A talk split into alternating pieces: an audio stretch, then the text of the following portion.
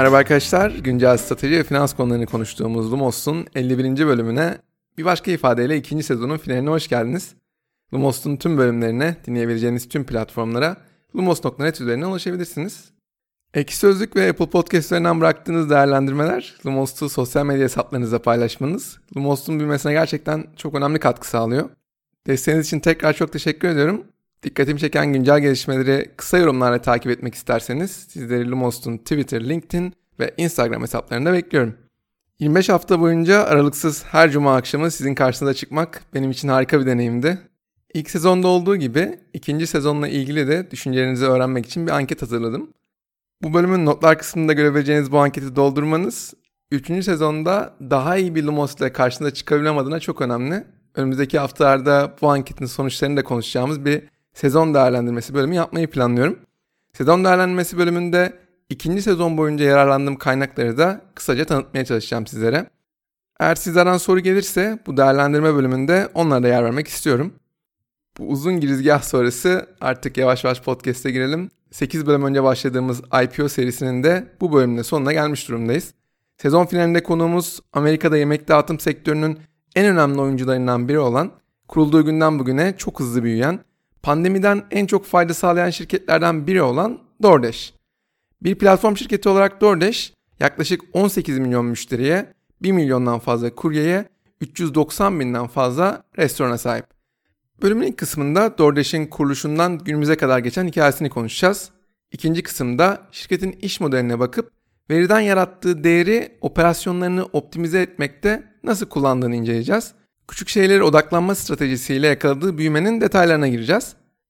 Son kısımda ise yemek dağıtım işindeki rekabete bakıp gelecek adını atabileceği adımlar üzerine düşünerek bölümü tamamlayacağız. Hadi başlayalım.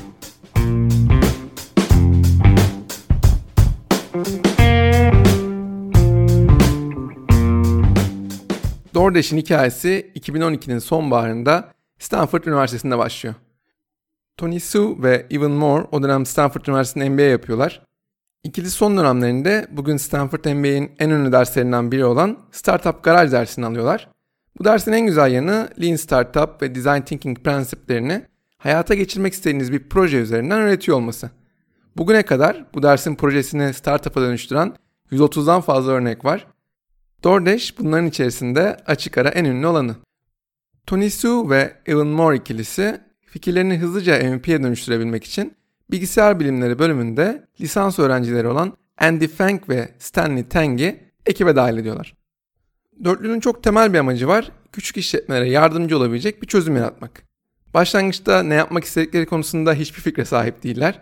Stanford Üniversitesi yakınlarındaki küçük işletmeleri kapı kapı dolaşıyorlar ve onlardan işleriyle ilgili yaşadıkları problemleri anlatmalarını istiyorlar. Buralardan edindikleri fikirlerle küçük denemeler yapıyorlar. Her yaptıkları denemenin ardından da küçük işletmelere yaptıkları ürünle ilgili fikirlerini soruyorlar. Bu görüşmelerden birinde Palo Alto'daki küçük bir makaron dükkanında işletmenin en büyük probleminin gelen siparişleri dağıtacak yeterli sayıda kuryesinin olmaması olduğunu görüyorlar. İşte bu noktada hangi problemi çözmek istediklerini buluyorlar. Bunun üzerine yoğunlaşarak San Mateo'dan Mountain View'e 200'den fazla küçük işletmeyle görüştüklerinde onların da benzer bir problem yaşadığını görüyorlar. Restoranlar bir gün hiç sipariş almazken ertesi gün birkaç saat içinde onlarca sipariş alabiliyorlar. Talebin bu kadar belirsiz olduğu bir ortamda restoranın kendi teslimat personeliyle ilerlemesi hiç mantıklı gelmiyor. Bu talebi havuz olarak yönetebilecekleri bir yapı üzerine düşünmeye başlıyorlar. 2013'ün Ocak ayında paloaltodelivery.com adresinde hızlı bir prototip yapıyorlar. Aslında yaptıkları şey çok basit. 8 farklı restoranın menüsünü tarayıp Google Voice telefon numaralarıyla birlikte internet sitesine koymak. Yarım saat sonra ilk siparişlerini aldıklarında kendileri bile bu duruma çok şaşırıyor. Ekip başlangıçta tüm siparişleri restorandan kendileri alıyor ve müşteriye götürüyor. Hiçbir kar marjı almadan sadece fikirlerini test ediyorlar bu dönemde. Süreçteki problemli noktaları bu sayede hızlı şekilde anlayabiliyorlar. Geçen bölümde konuştuğumuz Instacart'ın hikayesiyle çok benzeşiyor bu anlamda. Tony'nin 2012 yazında Square'de staj yapmasının avantajını da ödeme alırken kullanıyorlar. Square'in cep telefonuna takılarak ödeme almayı sağlayan kiti sayesinde ödemeler alıyorlar. Ekip bir süre sonra gelen siparişleri yönetmekte zorlanmaya başlıyor. Bir taraftan derslere girerken bir taraftan da bu işi sürdürmeye çalışıyorlar. Her restoran için en uygun park yeri neresi, büyük apartman komplekslerine nasıl teslimat yapılır gibi sorulara küçük bir ölçek için cevap bulmaya başlıyorlar. Bir süre sonra restoranlarla konuşmaları da değişiyor. Restoranlar neden bu kadar çok yiyecek aldıklarını, nasıl birlikte çalışabileceklerini sorgulamaya başlıyor. Restoranların sadece sipariş yönlendiren Grubhub'a bile ödedikleri yüksek komisyon oranları ekibin gelecek adına umutlanmasını sağlıyor. 2013'ün Mart ayında Palo Alto Delivery Y Combinator'dan kabul alıyor. Y Combinator'ın bir şirketin yaşam döngüsünde ne kadar önemli bir marka olduğunu artık anlatmama gerek yok sanırım. Y Combinator döneminde ekibin ilk aksiyonu şirketin ismini DoorDash olarak değiştirmek oluyor. Y Combinator sonrası aldığı ilk yatırım Costa Ventures liderliğinde aldığı 2.4 milyon dolar oluyor. Ekip bu yatırım sonrası kendini tamamen bu işe adıyor. Büyüme konusunda o kadar takıntılılar ki haftalık %10'dan az sipariş büyümesini başarısızlık olarak kabul ediyorlar. 2014'ün Mayıs ayında bu kez Sequoia Capital liderliğinde 17.3 milyon dolarlık seri A yatırım alıyorlar. Bu yatırımla birlikte Los Angeles ve Boston'da hizmet vermeye başlıyorlar. Her yatırım onlara biraz daha geniş bir hareket alanı sağlıyor. Bu hareket alanıyla da çok daha hızlı büyüyorlar. 2015'in Mart ayında seri B turunda 40 milyon dolar, 2016'nın Mart ayında seri C turunda 127 milyon dolar yatırımı Kleiner Perkins liderliğinde alıyorlar. Bu yatırımlar Kanada ve Amerika içerisinde yeni şehirlere açılmalarını sağlıyor. Tabi bu kadar hızlı büyüme farklı sorunları da beraberinde getiriyor. Bazı restoranlar DoorDash'in menülerini izinsiz olarak sitesine yüklemesine tepki göstermeye başlıyorlar. Burada problem şu, DoorDash'in teslimat maliyetini doğrudan fiyatların içine yedirmesi. Örneğin restoranda 10 dolara satılan hamburgeri DoorDash restoranın haberi bile olmadan 15 dolara kendi uygulaması üzerinden satmaya başlıyor. Restoranlar bu fiyat tutarsızlığının kendilerine zarar verdiğini söylüyorlar. Hatta In-N-Out Burger DoorDash'e bu sebeple dava bile açıyor. Şirket bu suçlamalardan yara almadan çıkmayı başarsa da artık daha dikkatli davranmak zorunda. Aynı geçen haftaki Instacart bölümünde olduğu gibi DoorDash'te siparişleri restorandan alıp teslim eden kuryelerin açtığı davalarla çeşitli dönemlerde uğraşmak zorunda kalıyor. 2017 yılında paylaşım ekonomisi şirketlerinin genelinde olduğu gibi 3,5 milyon dolarlık bir ödeme yaparak kuryelerle toplu anlaşma yoluna gidiyor. 2018'in Mart ayında artık seri D turundayız. 1.4 milyar dolar değerleme üzerinden 535 milyon dolar yatırım alıyor. Yatırım turuna liderlik eden SoftBank, 2018'in Ağustos ayında aldığı yatırımda değerlemesini 4 milyar dolara, 2019'un Şubat ayında 7.1 milyar dolara, 2019'un Mayıs ayında ise 12.6 milyar dolara kadar çıkarıyor. Bu yatırımlarla büyüme hızını daha da arttıran şirket iki de önemli satın alma gerçekleştiriyor. 2019'un Ağustos ayında açıklanmayan bir bedelle sürücüsüz araç teknolojisine odaklanan Scotty Labs'i satın alıyor. 2019'un Ekim ayında ise Square'den 410 milyon dolara genellikle teslimat sunmayan lüks şehir içi restoranlardan yemek dağıtımında uzmanlaşmış bir hizmet olan Caviar'ı satın alıyor. Bölümün ilerleyen kısımlarında konuşacağımız gibi pandemiyle birlikte farklı bir seviyeye yükselen DoorDash geçtiğimiz yıl Kasım ayında 32 milyar dolar değerleme üzerinden halka arz ediliyor. Bir ay önce 65 milyar dolar piyasa değerine ulaşarak zirve yapan şirketin bugünkü piyasa değeri 41 milyar dolar civarında seyrediyor. Bu arada DoorDash'in geçtiğimiz ay salata yapma robotuyla tanınan bir robotik şirketi olan Chowbotics'i satın aldığını ekleyeyim. Buraya kadar DoorDash'in kuruluşundan günümüze kadar geçen hikayesini konuştuk. Şimdi şirketin iş modelini inceleme vakti.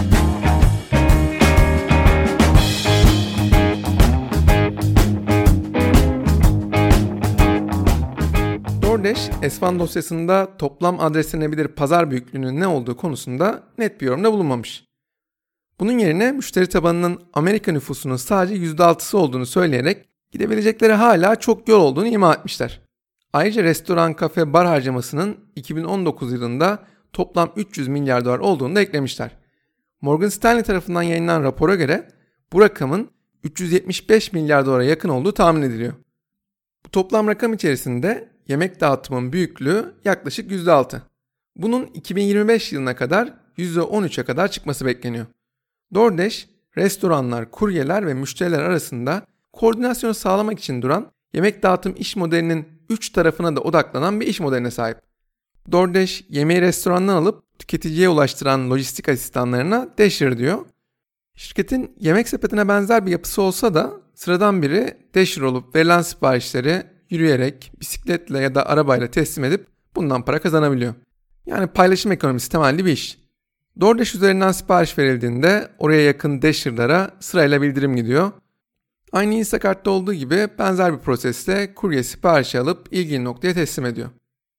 DoorDash'in ana gelir kaynağı restoranlardan siparişin belli bir oranında aldığı komisyonlar ve sipariş verenlerden aldığı teslimat ücretleri. DoorDash'ten bir sipariş verdiğinizde bunun yaklaşık %15'ini DoorDash kendine alıyor. %24'ünü kuryeye veriyor. %61'ini ise restoran alıyor. Restoranlar yüksek komisyon oranlarından şikayetçi olsalar da alternatifleri de benzer komisyon oranlarına sahipler. Kuryeler de kazandıkları rakamdan pek memnun değiller. DoorDash birden fazla teslimatı birleştirerek kuryelerin daha fazla kazanmasını sağlamaya çalışıyor. Ekstra bahşişler bu noktada onların en önemli motivasyon kaynağı. DoorDash'in çözmeye çalıştığı lojistik problemi oldukça kompleks bir yapıya sahip aslında. Geçtiğimiz bölümde konuştuğumuz Instacart ile karşılaştırınca Instacart tarafında siparişin hazırlanma süresi güzel bir esneklik yaratıyordu. DoorDash'te bütün bu işlemlerin çok hızlı tamamlanması gerekiyor. Restoran yemeği hazırlar hazırlamaz paketin sıcak teslim edilebilmesi için kuryenin gelip paketi alması gerekiyor. DoorDash ilgili kuryenin kaç dakikada restorana ulaşabileceğini en ince ayrıntısına kadar hesaplamak zorunda. Bu aslında göründüğünden çok büyük bir problem. Senaryoyu bir örnek üzerinden düşünelim beraber. Bir kullanıcı alışveriş merkezinin içerisindeki bir pizzacıdan pizza sipariş vermiş olsun. Siz de alışveriş merkezine yakın olduğunuz için teslimatı alıp götürmeyi kabul ettiniz. Daha önce hiç bilmediğiniz bir pizzacıdan sipariş alıp hiç bilmediğiniz bir adrese götürmeniz bekleniyor. Alışveriş merkezinin otoparkında arabayı nereye park edeceksiniz? Pizzacı kaçıncı katta ve o katın neresinde? Hangi asansörü kullanacaksınız? Bu soruların hepsine kendiniz cevap bulmaya çalıştığınızda çok fazla zaman kaybetmeniz olası. İşte DoorDash'in öne çıktığı nokta size yardımcı olabilecek tüm bilgileri uygulama üzerinden iletiyor olması. Siz siparişi taşımayı kabul ettiğinizde hangi noktanın en ideal park yeri olduğunu, hangi asansörü kullanarak hangi kata çıkacağınızı, pizzacının hangi noktada olduğunu biliyorsunuz. Yani belirsizlikleri olabildiğince minimize ederek problemi çözmeye çalışıyor. DoorDash veriyi anlamlı bir değere dönüştürmek konusunda takıntılı bir şirket. Yemek teslimat işinin genel olarak düşük kar marjı bir iş olduğu gerçeğini göz önünde bulundurunca bu takıntının sebebi çok net anlaşılıyor. Hem DoorDash'in hem de rakiplerinin karlarla dönüşebilmesi için operasyonlarını optimize etmekten başka şansları yok. Bu ellerindeki veriyi ne kadar iyi değere dönüştürebildikleriyle doğru orantılı bir durum. Sadece 2020 yılında 800 milyondan fazla sipariş adetine ulaşan DoorDash bu anlamda da iyi bir reputasyona sahip. DoorDash daha fazla restoranı platforma katılmaya ikna ettikçe platformdaki ürün çeşitliliği artıyor. Bu da kullanıcı tarafında çok daha fazla seçenek anlamına geliyor. Kullanıcı sayısı arttıkça da platformdaki sipariş hacmi yükseliyor. Sipariş hacmi arttıkça ne oluyor peki? Platform kuryeler için yeterince değer üretebilir hale geliyor. Yemek dağıtım işinde ilk bakışta şirketler için büyük metropollere odaklanmak çok daha anlamlı bir strateji. Buralarda yemek pişirmek yerine akşam yemeği sipariş etmeyi tercih edecek, yüksek miktarda harcanabilir geliri olan çok sayıda genç profesyonel oluyor. Ayrıca platformlar çok daha fazla restoran seçeneği sunabiliyorlar. Siparişleri de daha dar bir alanda yönetebilmeleri kolaylaşıyor. DoorDash, GrabUp, Postmates gibi kendisinden önce kurulmuş ya da Uber Eats gibi para yapmaktan hiç çekinmeyen rakipleri olmasına rağmen probleme onlardan farklı şekilde yaklaşıyor. Şirket küçük pazarlarda ikamet edenlerin alternatif eksikliğinden dolayı yemek siparişi vermeye çok daha meyilli olduğunu görüyor. Buralarda siparişlerin genelde aileler tarafından verilmesinden dolayı ortalama sipariş miktarları da daha yüksek. DoorDash buradan yola çıkarak sadece metropollerdeki Y kuşağı genç profesyonelleri hedeflemek yerine yemek pişirmeye vakti olmayan küçük şehirlerdeki Amerikan ailelerini de hedeflemeye başlıyor. Bu küçük şehirlerde paketi teslim etmek için çok daha fazla mesafe kat etmeniz gerekse de trafik ve park problemi yok. Bu da çok önemli bir avantaj yaratıyor. DoorDash büyük metropollerdeki güçlü rakipleriyle rekabet etmek yerine boş olan küçük kırsal pazarlardan kolaylıkla müşteri kazanıyor. Şirketin küçük pazarlara odaklanma stratejisi 5 yıl önce birçok uzman tarafından mantıksız olduğu gerekçesiyle eleştirilse de bugün geldiğimiz noktada şirketin en önemli avantajı durumunda. DoorDash'in pazar payı kırsalda %65'e kadar yaklaşıyor. Kırsalda ve küçük şehirlerde sipariş adetleri metropollere göre düşük olsa da daha büyük aileler tarafından sipariş verildiği için sipariş başına tutarlar çok daha yükseliyor. Küçük şehirlerde rakiplerinin olmaması da hem müşteri edinme maliyetlerini düşürüyor hem de müşterilerin DoorDash'e çok daha sadık olmasını sağlıyor. Bu noktaya kadar DoorDash'in küçük şeylere odaklanma stratejisiyle yakaladığı büyümenin detaylarına baktık ve iş modelini inceledik. Son kısımda şirketin gelecekte atabileceği adımlar üzerine konuşma vakti.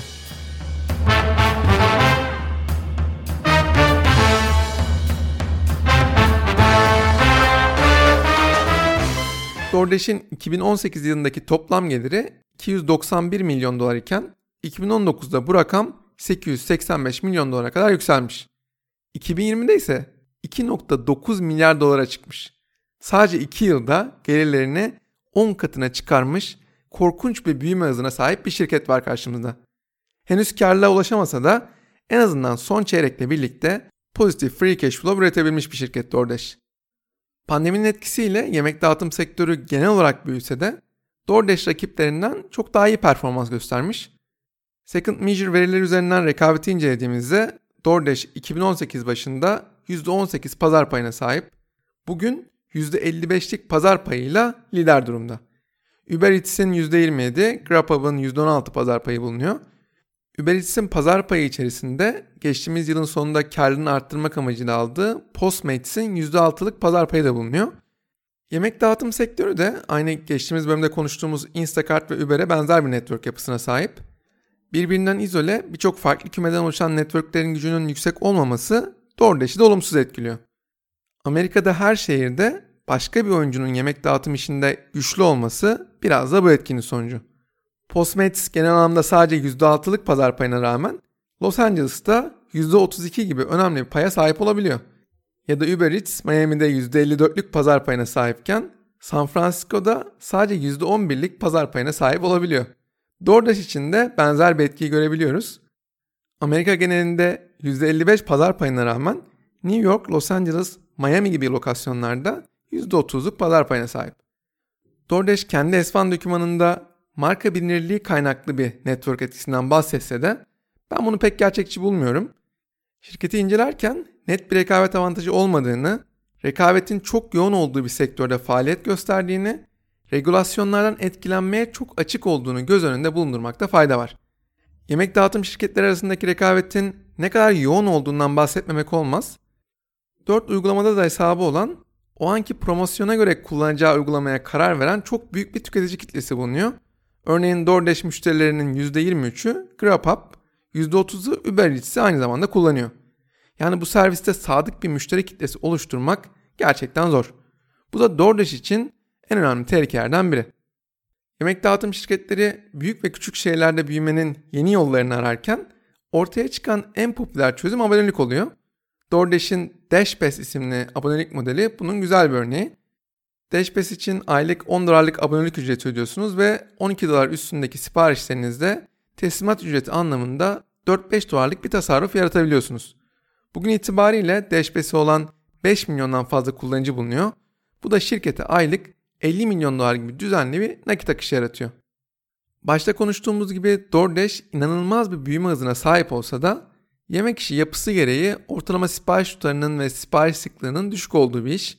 Şirketin bu büyüme hızını pandemi sonrası devam ettirip ettiremeyeceği büyük bir soru işareti. Şirketin büyüme trendini koruması için ilk akla gelen çözüm operasyonu daha verimli hale getirmesi, pazar yerlerinin kullanıcılar tarafından ödenen paranın vergiler çıktıktan sonra ne kadarını kendilerine aldıklarının oranına take rate diyorduk. 2019 başında DoorDash'in take rate'i %9'lardayken bugün bu oranı %12'lere kadar çıkarmış olması şirketin takdire şayan bir özelliği. Ama bunu daha da yukarılara çıkarabilir mi? Bence pek kolay görünmüyor. Şirketin büyüme trendini koruması için ikinci akla gelen çözüm ortalama sipariş boyutunu ve frekansını arttırmak oluyor. Ancak DoorDash'te ortalama sipariş boyutu yıllardır 30 dolar bandında seyrediyor. Sadece bu rakamdan yola çıkarak bile ortalama sipariş boyutunu arttırarak büyümenin çok zor olacağı sonucuna ulaşabiliriz. Kişi başına verilen sipariş adedinin artması pandemi sonrası için gerçekçi bir beklenti olmayacaktır. Şirketin büyüme trendini koruması için bir diğer çözüm de yeni pazarlara açılması. Amerika ve Kanada'da uzun bir süredir faaliyet gösteren şirketin buralarda genişleyebileceği çok da fazla alan kalmamış görünüyor. 2019 yılında Avustralya'da faaliyet göstermeye başlayan şirket bugün Melbourne, Sydney ve Brisbane'de aktif durumda. Avustralya'da genişleyebileceği bir alan var görünüyor. Şirketin LinkedIn ilanından yola çıkarak Japonya'da açılma planının olduğunu söyleyebiliriz. Bunların dışında DoorDash'in kendisini bir lojistik şirketi olarak konumlayarak farklı alanlara girmesi de olası. Ben şirketin market, ilaç, alkol gibi teslimat kategorilerinin tamamı için gelecek adına umut verdiğini düşünüyorum. Bu alanlarda küçük küçük denemeler de yaptığını görüyoruz. Örneğin Instacart cephesinden bakınca ben DoorDash'in Instacart'ta çok önemli bir tehdit olabileceğine inanıyorum. DoorDash'in büyüme planları arasında hayalet mutfak konsepti de önemli bir deneme. Sanal mutfak, karanlık mutfak, bulut mutfak, gölge mutfak gibi ifadelerle de anılan bu konsepte mutfaklar farklı işletmeler ya da şefler tarafından paylaşılıyor. Nasıl Collective House, WeWork gibi yerlerde ofis kiralıyorsanız, restoranlar da sadece paket servis yönelik bu tarz paylaşımlı mutfaklar kiralıyorlar. DoorDash 2019'un Ekim ayında ilk hayalet mutfağı DoorDash Kitchen'ı California Redwood'da açmıştı. Pandemi dönemi sayıları hızla artan bu çözümlerin gelecekte yaygınlaşması şaşırtıcı olmayacaktır. Yemek dağıtım şirketleri için bir başka popüler büyüme stratejisi ülkenin en büyük restoran zincirleriyle ortaklıklar kurmak. Örneğin DoorDash geçen yıl Little Caesars Pizza ile bu anlamda bir birliktelik kurmuştu. DoorDash'in Wendy's, Chick-fil-A, McDonald's ile benzer anlaşmalar yaptığını da görmüştük. Bu ortaklıkların restoranlar tarafında da büyük etkiler yaptığını biliyoruz. Hem Cheesecake Factory hem de Chipotle gelirlerinin %20'ye yakın bir bölümünün DoorDash üzerinden geldiğini söylüyor. Bu bilgilerden yola çıkarak DoorDash daha fazla zincir restoranla anlaşarak büyümeye çalışabilir. Yavaş yavaş bir bölümün daha sonuna geldik. Sonuç olarak DoorDash küçük şeylere odaklanma stratejisiyle veriden yarattığı değeri operasyonlarını başarılı şekilde optimize etmekte kullanmasıyla rakiplerine ayrışmayı başarıyor. Rekabetin çok yoğun olduğu bir sektörde faaliyet göstermesi, regülasyonlardan etkilenmeye çok açık olması şirketin geleceği hakkında en önemli soru işaretleri. Önümüzdeki dönemde DoorDash'in uluslararası genişleme planlarını ve farklı sektörlere açılma stratejisini yakından izlemeye devam edeceğiz. Notlar kısmında paylaştığım anketi doldurmayı lütfen unutmayın. Üçüncü sezonda tekrar görüşmek dileğiyle. Hoşçakalın.